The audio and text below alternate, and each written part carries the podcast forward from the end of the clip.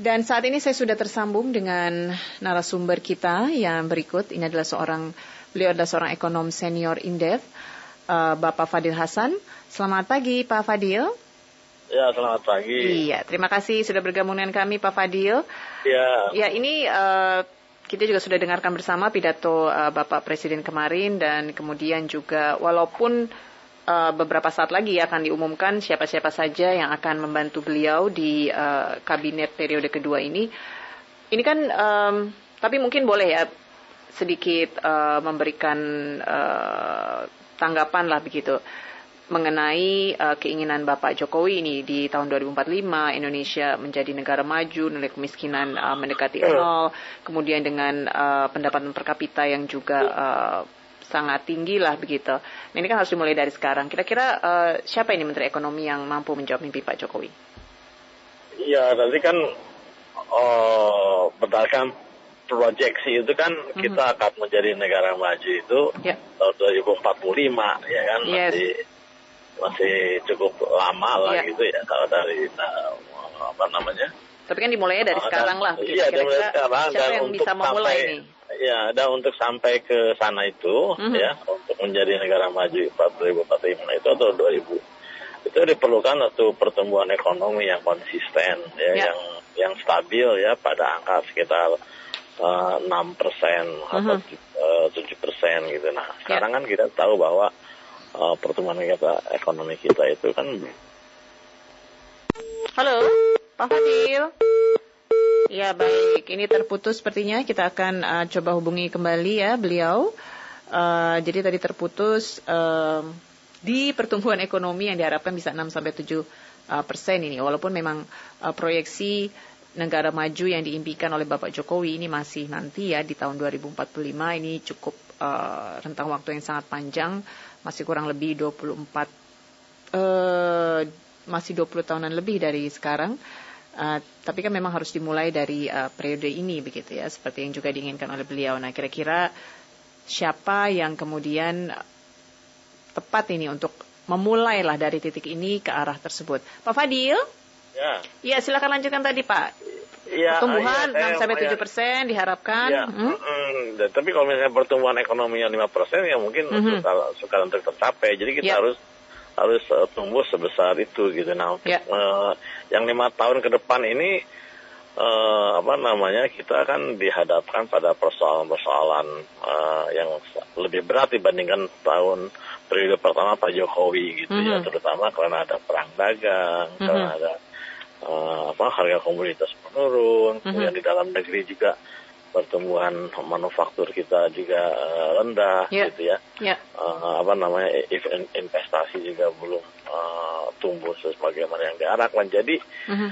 uh, uh, orangnya tentu ya untuk uh, orang yang memegang tampuk apa namanya uh, pos-pos di menteri uh, perekonomian itu uh-huh. harus uh, benar-benar uh, bisa menjalankan kebijakan dan program uh, perekonomian ya uh, supaya ekonomi tumbuh di atas lima uh, persen gitu ya. Yeah. Nah dengan berbagai kebijakan uh, fiskal, moneter dan juga uh, perdagangan dan investasi yang uh-huh. yang yang benar-benar uh, apa namanya uh, inilah apa namanya menarik gitu ya, uh-huh. yang benar-benar bisa dijalankan gitu. Uh-huh. Nah, yang kalau misalnya kita lihat dari yang selama ini disampaikan oleh Pak Jokowi kan, uh-huh. uh, beliau sudah me, mengasur gitu apa me, meyakinkan, me, meyakinkan uh-huh. uh, dalam sebuah wawancaranya bahwa uh-huh. Bu Sri Mulyani akan tetap jadi menteri uh-huh. uh, apakah menteri perekonomian apa Menteri Keuangan atau hmm. Menteri Koordinator Perekonomian kita belum tahu tapi itu yang sudah di sudah ada dijamin oleh Pak Jokowi bahwa beliau akan tetap kemudian hmm.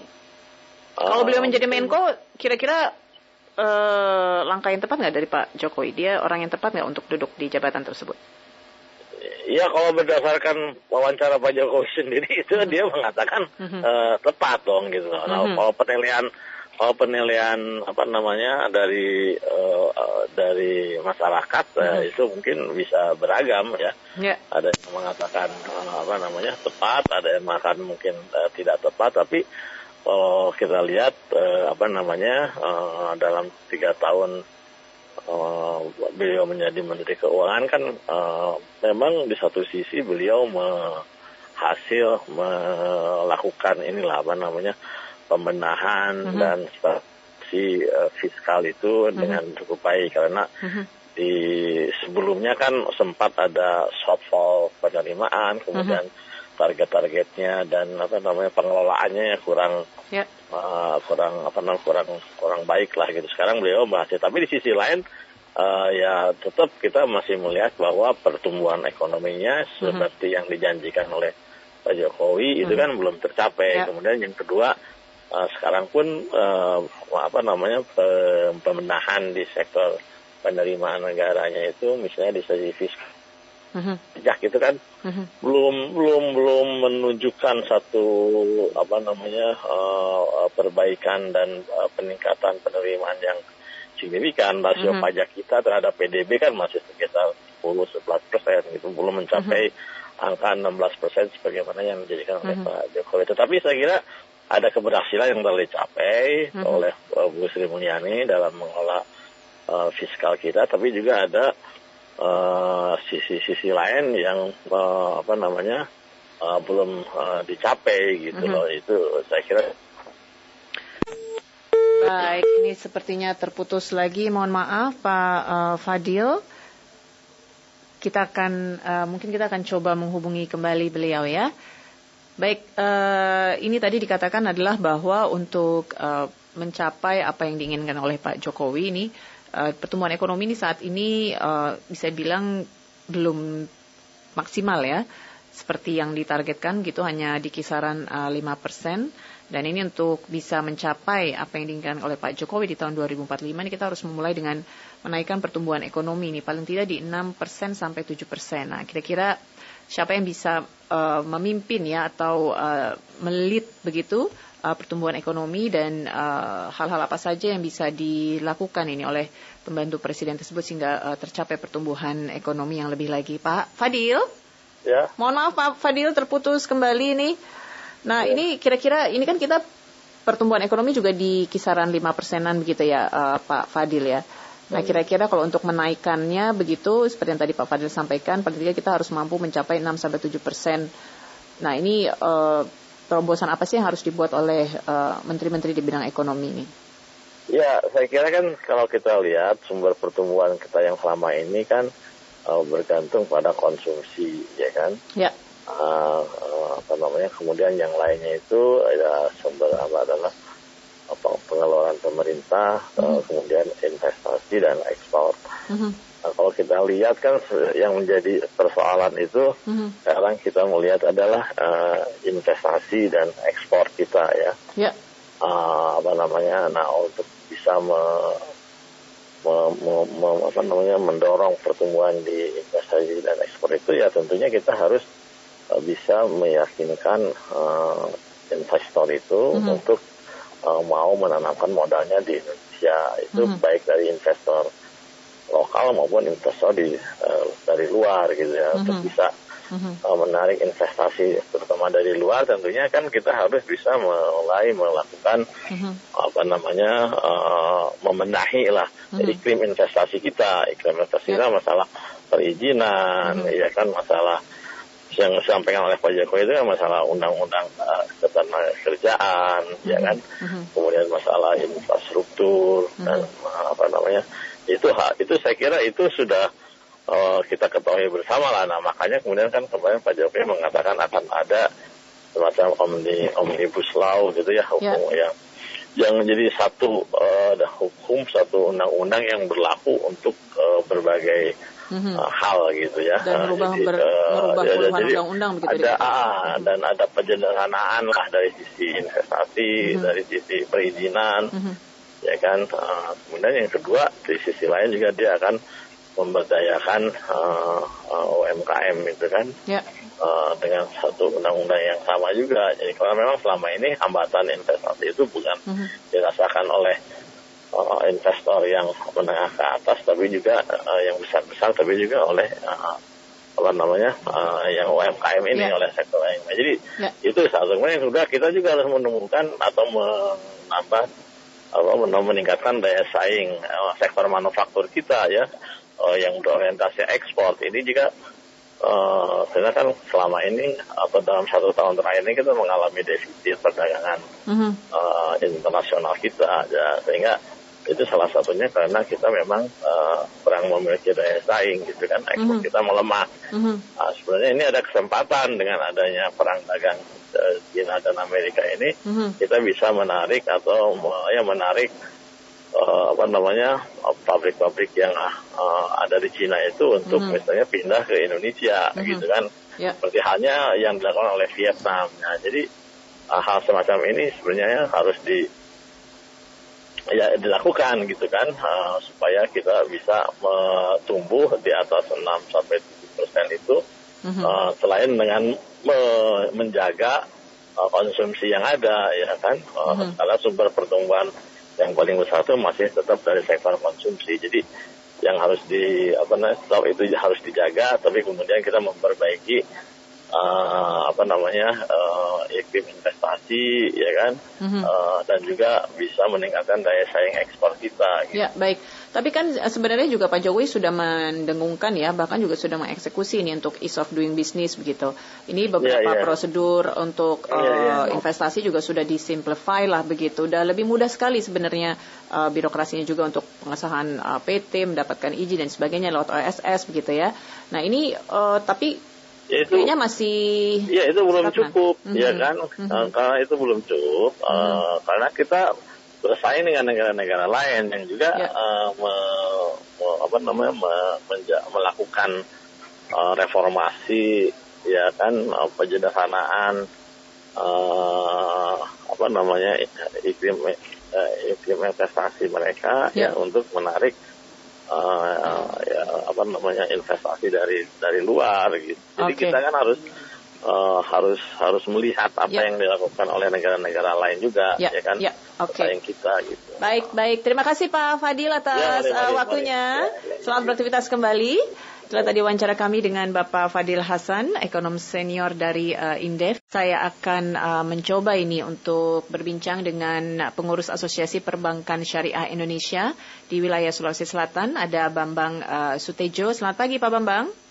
Selamat pagi, Assalamualaikum warahmatullahi wabarakatuh. Waalaikumsalam warahmatullahi wabarakatuh. Pak Bambang, terima kasih. Ini uh, kita mungkin bisa juga ya dikaitkan begitu wapres kita seorang uh, kiai begitu ya betul, Maruf Amin ini uh, tentu saja harapannya juga ini ekonomi syariah di Indonesia ini bisa berkembang karena uh, ini sepertinya juga sudah banyak ya masyarakat khususnya yang Uh, Muslim begitu yang menginginkan uh, semua transaksi di bidang ekonomi, bisnis itu dilakukan secara syariah begitu. Nah ini uh, bagaimana ini potensi ekonomi syariah uh, ke depan begitu? Karena uh, ini bisa di market kita kan sebenarnya pasti uh, besar begitu ya karena kita penduduk betul, muslim betul. terbesar tapi perkembangannya itu kayaknya belum terlalu signifikan begitu Pak Bambang bagaimana? Baik, terima uh, kasih uh, Walia atas waktunya. Uh mhm. -huh. Jadi uh, dengan pilihnya Wapres yang sekarang Bapak Kiai Haji Maruf Amin yeah. sebagai Wapres ya, ini membawa angin segar teman untuk uh, perbankan syariah atau dunia ekonomi syariah. Yeah. Artinya bahwa uh, sejak lima tahun ke belakang kemarin Pak Jokowi sebenarnya sudah sangat gencar sekali gadang-gadang dan yeah. melakukan proses untuk pergerakan yeah. ekonomi syariah. Yeah. Dengan terpilihnya Pak Maruf, saya optimis sekali mm-hmm. perkembangan ekonomi syariah akan makin uh, berkembang dengan pesat ya. Yeah. Satunya di daerah Sulawesi Selatan. Mm-hmm. Itu. Oke.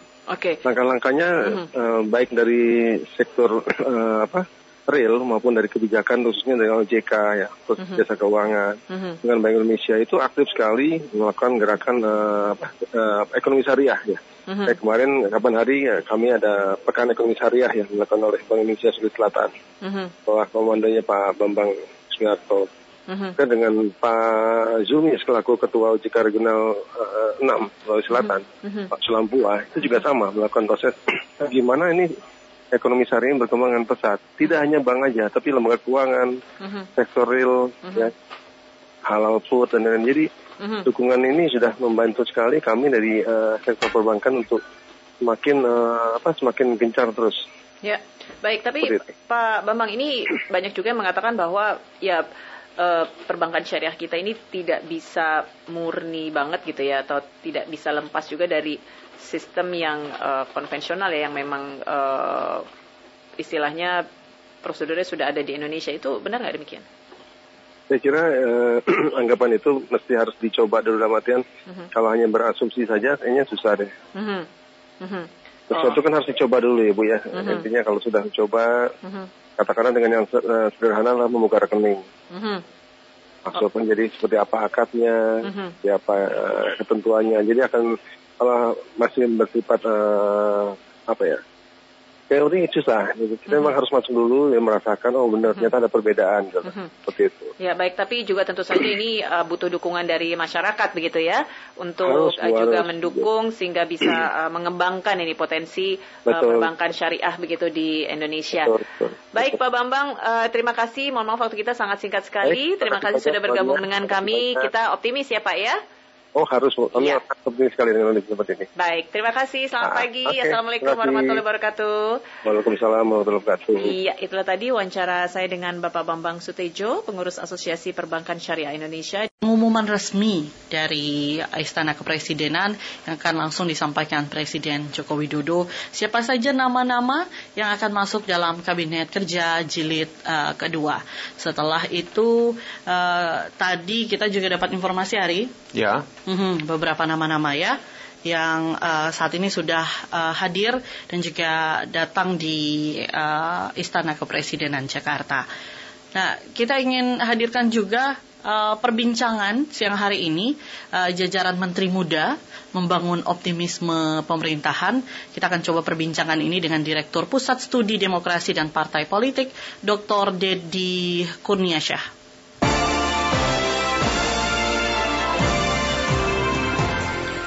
Pak Dedi, selamat siang. Halo, selamat siang. Apa kabar Pak Dedi? Baik sekali. Hmm, Pak Dedi saat ini sudah mulai uh, memperkirakankah begitu untuk nama-nama muda yang masuk dalam incaran uh, Pak Joko Widodo uh, dari berbagai kalangan begitu untuk uh, jilid uh, kabinet kerja jilid kedua? Ya, sebetulnya kalau mendebak uh, nama sebenarnya sulit ya. Kenapa? Mm -hmm. Karena kan semua ini adalah hak prerogatif ya. presiden. Yeah. Mm -hmm. Sehingga Pak Jokowi punya hak absolut untuk menentukan. Tetapi kalau dibaca dari gerak-gerik dan manuver komunikasi politik Pak Jokowi, mm -hmm. tidak akan jauh-jauh dari tokoh-tokoh muda yang memang punya kontribusi dalam pemenangan pemilu, mm -hmm. sekaligus punya kedekatan dengan partai politik mitra dari koalisi. Yeah. Karena kan paling tidak, sebetulnya saya tidak terlalu tertarik dengan dikotomi usia ya. Artinya hmm. mau muda mau tua selama punya kemapanan pengetahuan tentang hmm. kementerian yang akan dibangun, kemudian juga punya komunikasi yang baik dengan lintas stakeholder, dengan yeah. parlemen, dengan presiden, sebetulnya hmm. itu adalah cukup.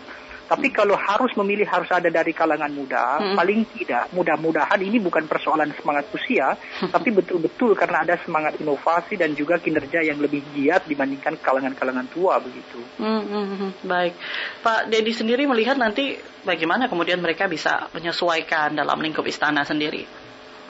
Ya, ini yang pertama perlu diperhatikan tentu kalangan-kalangan muda yang dipanggil Pak Jokowi hemat saya kan bukan orang baru ya. Hmm, Artinya hmm bukan betul-betul tokoh baru dalam dunia uh, pemerintahan. Mm -hmm. Selalu ada relasinya, apakah itu relasi bisnis maupun relasi uh, politik, tapi di luar partai politik misalnya.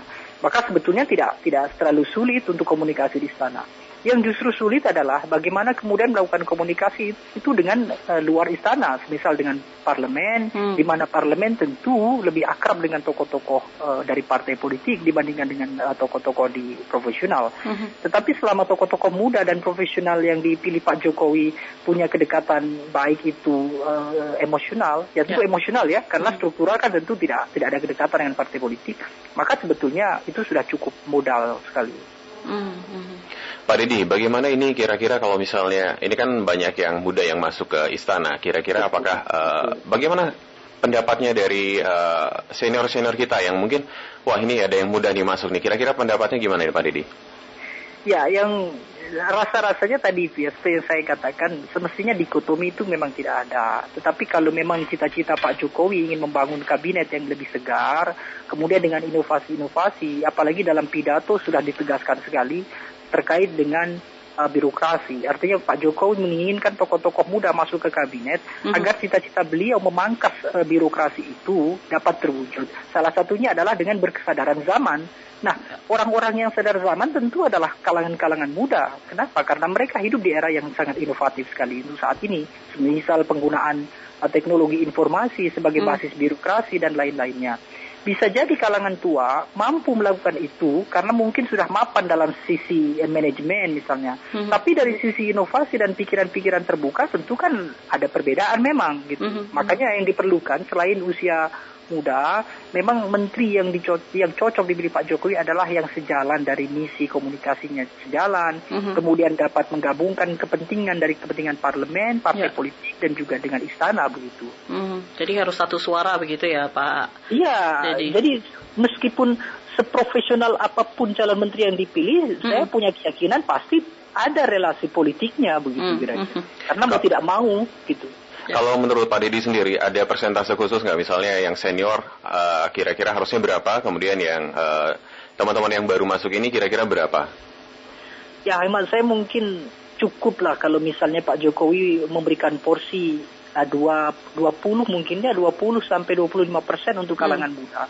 Karena kan tidak semua kementerian itu cocok diduduki oleh anak-anak muda.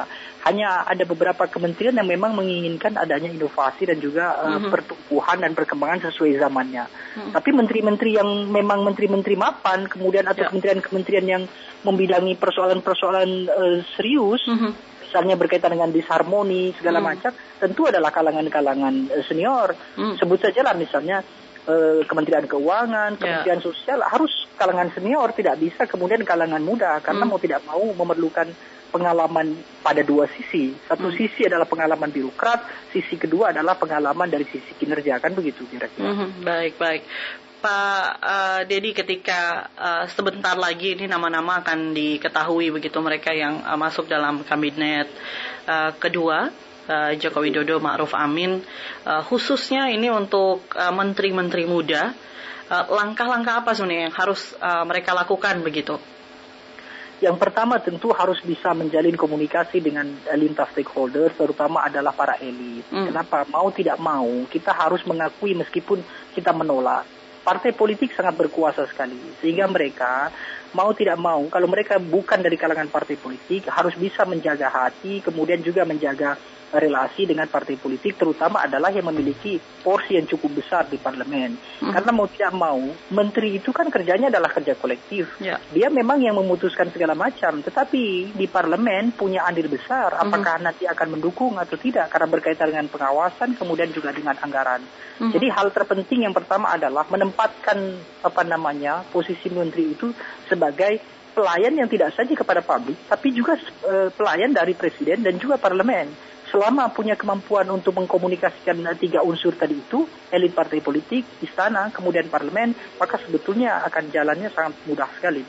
Hmm, baik, Pak Dedi ada uh, beberapa inti begitu dari pidato yang disampaikan Pak Joko Widodo pada saat pelantikan. Salah satunya adalah transformasi ekonomi berbasis sumber daya alam ke manufacturing yang memanfaatkan teknologi. Apakah kemudian untuk menyelesaikan uh, permasalahan ini uh, mereka Menteri Muda ini bisa uh, memberikan sesuatu yang optimal begitu Pak Dedi? Ya, tadi sih harapannya begitu ya. Artinya anak anak-anak muda ini tentu lebih terbuka terhadap dengan perkembangan-perkembangan teknologi informasi, hmm. terutama dalam hal bagaimana teknologi kemudian dijadikan sebagai basis birokrasi. Hmm. Tentu birokrasi akan lebih ringkas dibandingkan yang terdahulu.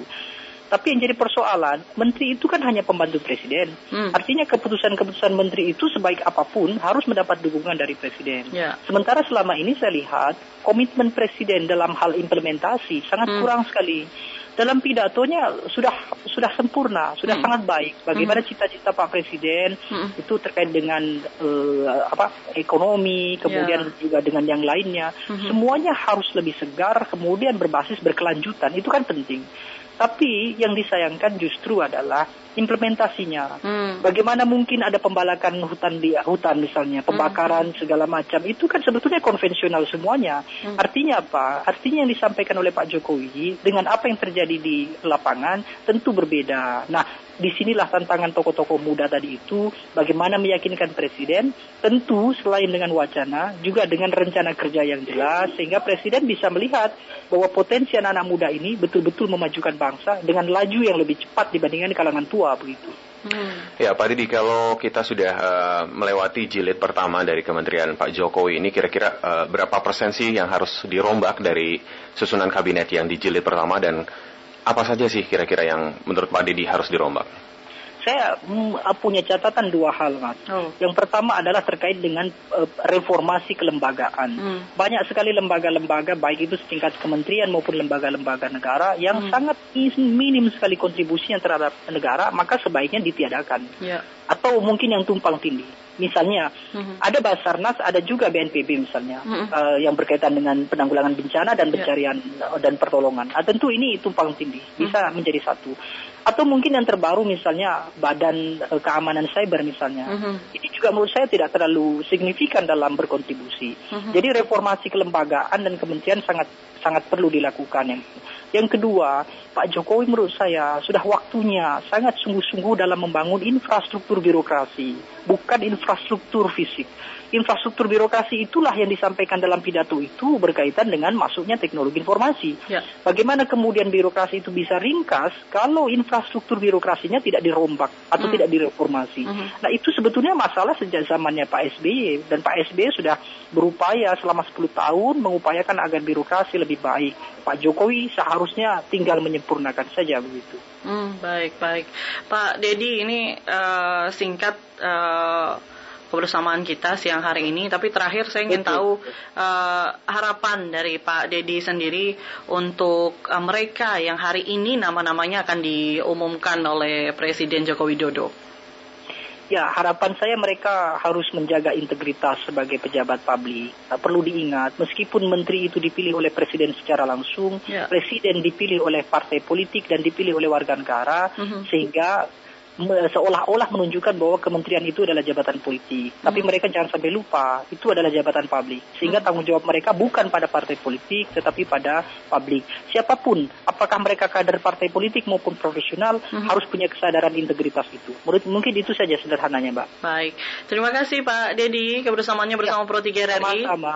Baik, selamat siang Pak Dedi. Ya, selamat siang Pak Didi. Pendengar, demikian tadi kami hadirkan wawancara dengan Direktur Pusat Studi Demokrasi dan Partai Politik, Dr. Dedi Kurniasyah. Pendengar kita masih membahas menunggu menteri yang dapat mewujudkan keinginan Presiden Jokowi saat sambutan pada pelantikan. Kita akan coba perbincangkan dengan tenaga ahli utama Kepala Staf Presiden Ali Motar Ngabalin.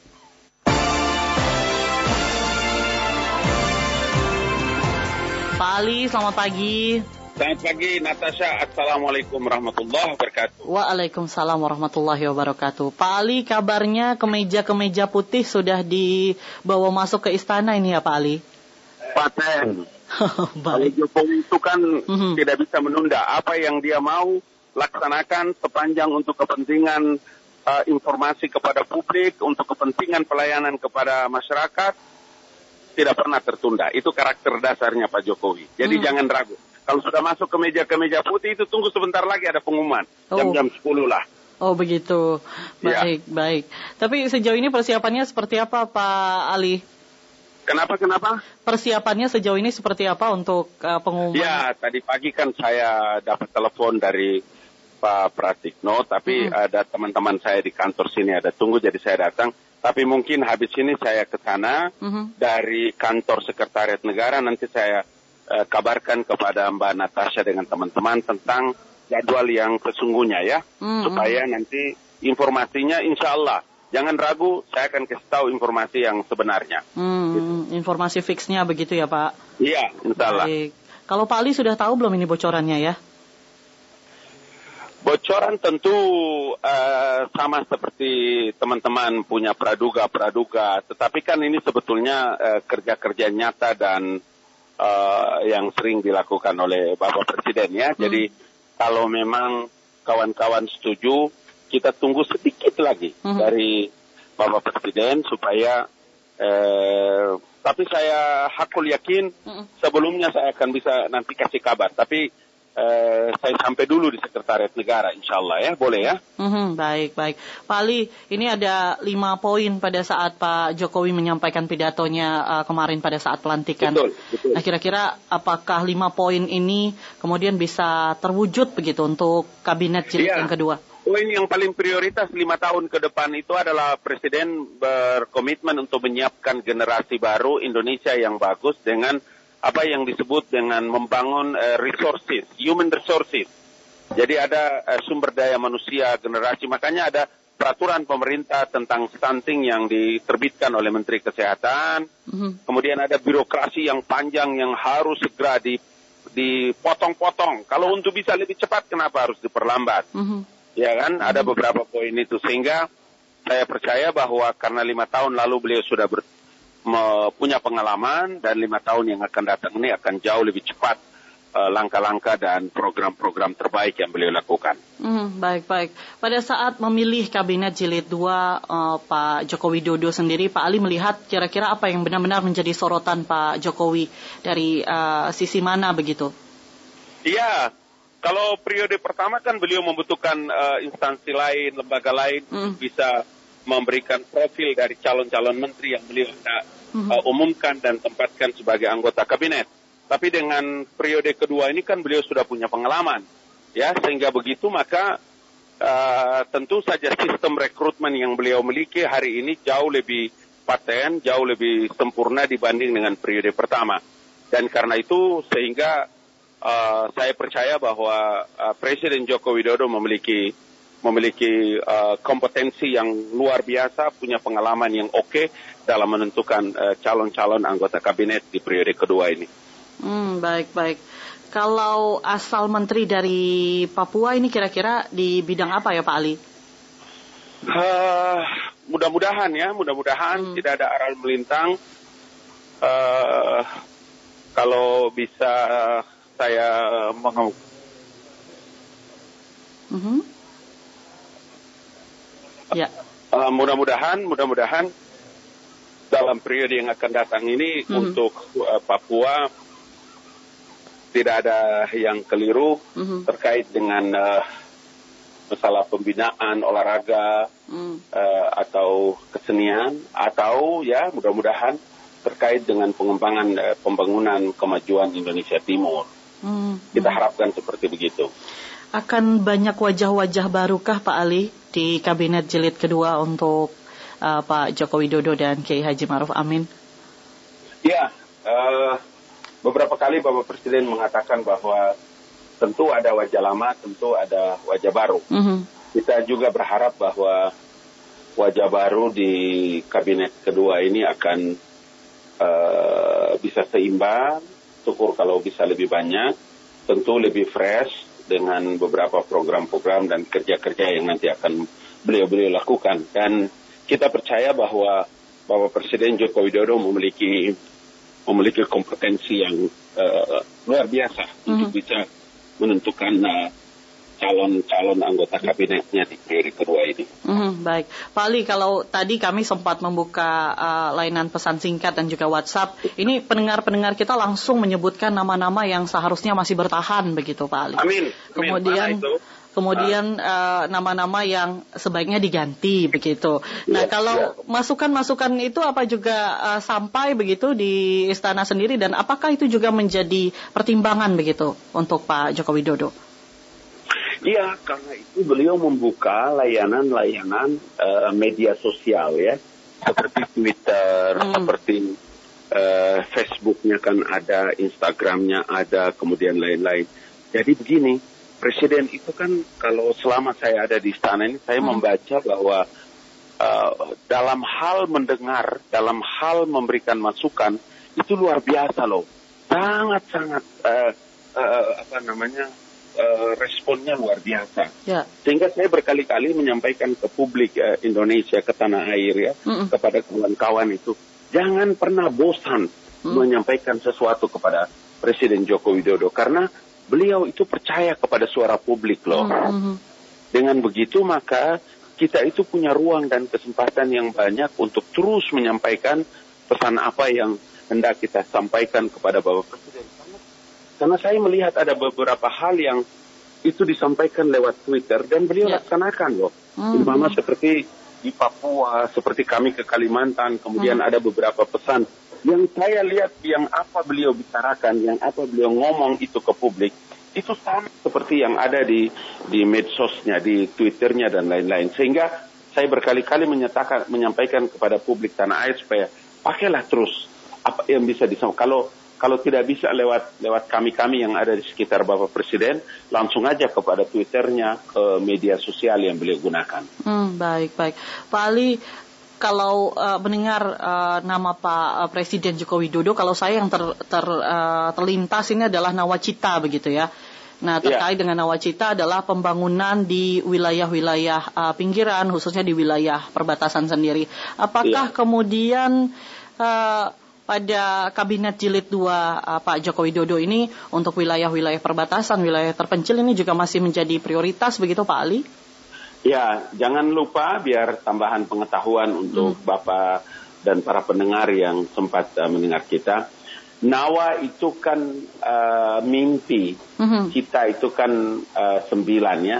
ya. Jadi Presiden menggunakan istilah umum ini ya dalam bahasa Sanskerta itu eh, tidak ada lain kecuali untuk mewujudkan mimpi-mimpinya. Terkait dengan wilayah-wilayah perbatasan, Presiden meneruskan satu komitmen besar yang dicanangkan oleh DPR RI terkait dengan apa? Terkait dengan merubah merubah nomenklatur.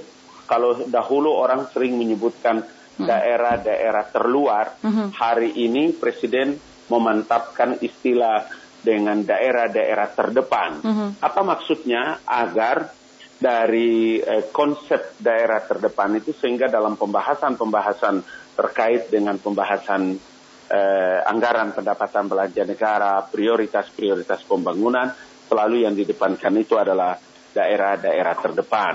Kalau selama ini kita menempatkan posisi itu sebagai daerah terluar dan daerah yang dibahas di penghujung orang capek sisa-sisa waktu, uh-huh. maka periode Jokowi menempatkan pembahasan itu di paling awal di arang fresh uh-huh. dengan anggaran-anggaran ter, uh, tercepat dengan biaya-biaya yang lebih duluan dibahas. Uh-huh. Jadi Baik. kalau Mbak uh, Natasha tanya uh-huh. tentang uh, apakah uh, gambaran seperti itu yang dijelaskan, saya mau katakan bahwa yeah. itulah cita-cita dan mimpi Presiden Jokowi untuk segera mewujudkan pembangunan-pembangunan Eh, daerah-daerah perbatasan, daerah-daerah terdepan itu.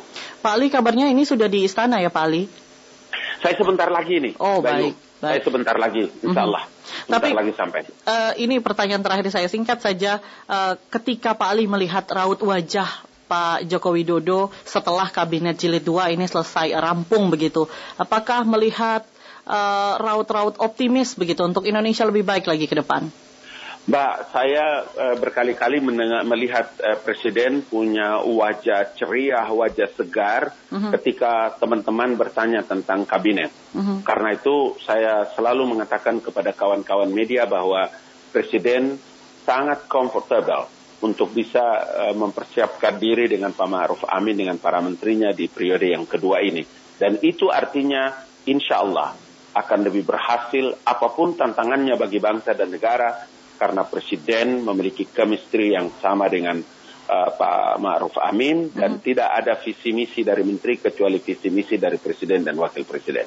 Baik, Pak Ali Mohtar Ngabalin, terima kasih waktunya bersama Pro 3 RRI Pak. Terima kasih, terima kasih Mbak Tasya. Baik, wassalamualaikum warahmatullahi wabarakatuh Pak Ali. Waalaikumsalam warahmatullahi wabarakatuh. Pendengar demikian tadi perbincangan saya mengenai Kabinet Jilid 2 Joko Widodo bersama tenaga ahli utama Kepala Staf Presiden Ali Mohtar